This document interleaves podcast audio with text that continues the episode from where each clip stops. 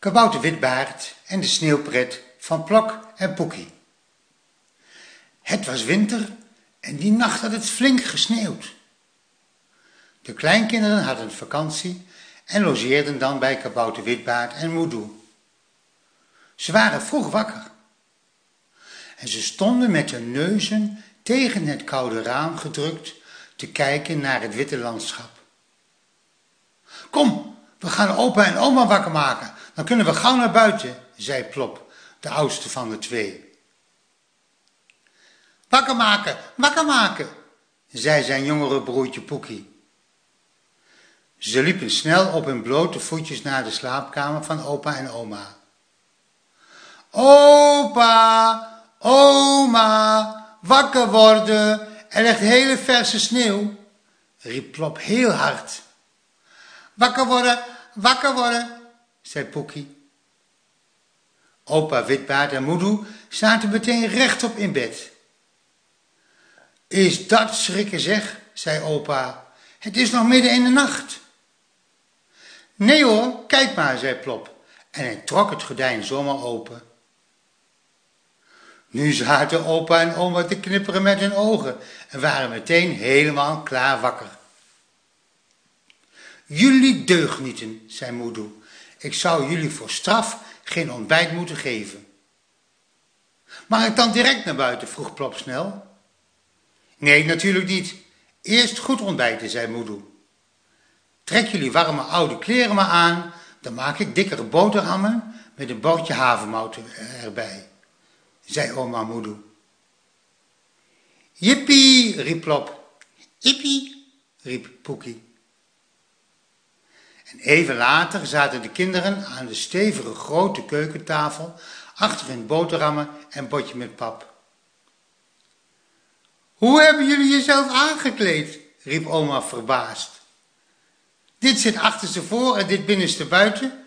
Jullie moeten wel flinke haast hebben gehad, zeg. Na het eten gaan we eerst goed aankleden. Jullie lijken wel een stelletje zwervers. Heeft opa de sfeer al van zolder gehaald? vroeg Plop. Ja hoor, gisteren al, want hij kon al aan de lucht zien dat het zou gaan sneeuwen, zei moeder. Toen de boterhammen op waren, de pap snel naar binnen was geslurpt en de kleren goed waren aangetrokken, ging de warme winterjas van schapenwol aan. Ook gingen de zelfgebreide kleurige handschoenen aan. En nu, ja hoor, nu konden ze eindelijk naar buiten. Net buiten aangekomen riep Plop heel hard, sneeuw, sneeuw, verse sneeuw, joepie! En of het door het lawaai en de trilling kwam, of door de warmte die vanuit de warme keuken door het rieten dak de sneeuw deed smelten?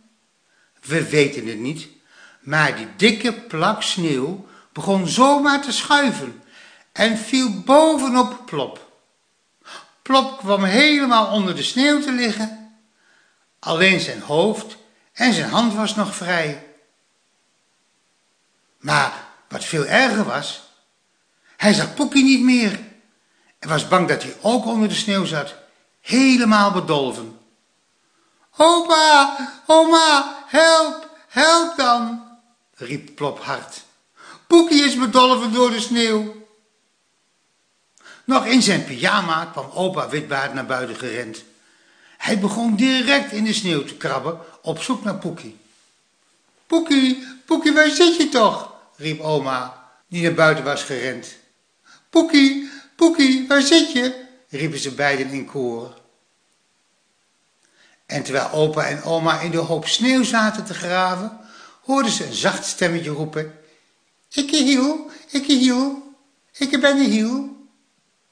Het kwam helemaal niet uit de sneeuwhoop. Nee, het kwam om de hoek van de boerderij.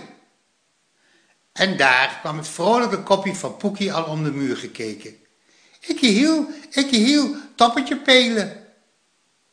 En toen moesten Plop, oma en opa heel hard lachen. Poekie zit helemaal niet onder de sneeuw.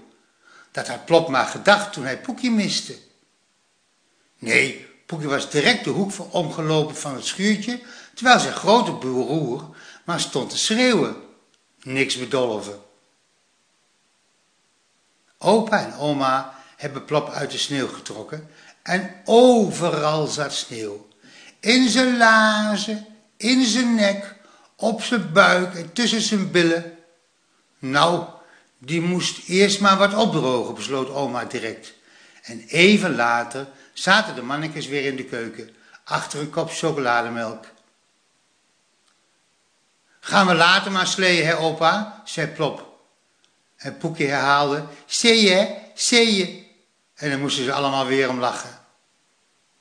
Wat een leuk broertje had Plop toch, die met zijn guitige uitspraken steeds de mensen aan het lachen maakte. En die middag werd er heerlijk gesleed door Poekie, Plop en natuurlijk ook door opa.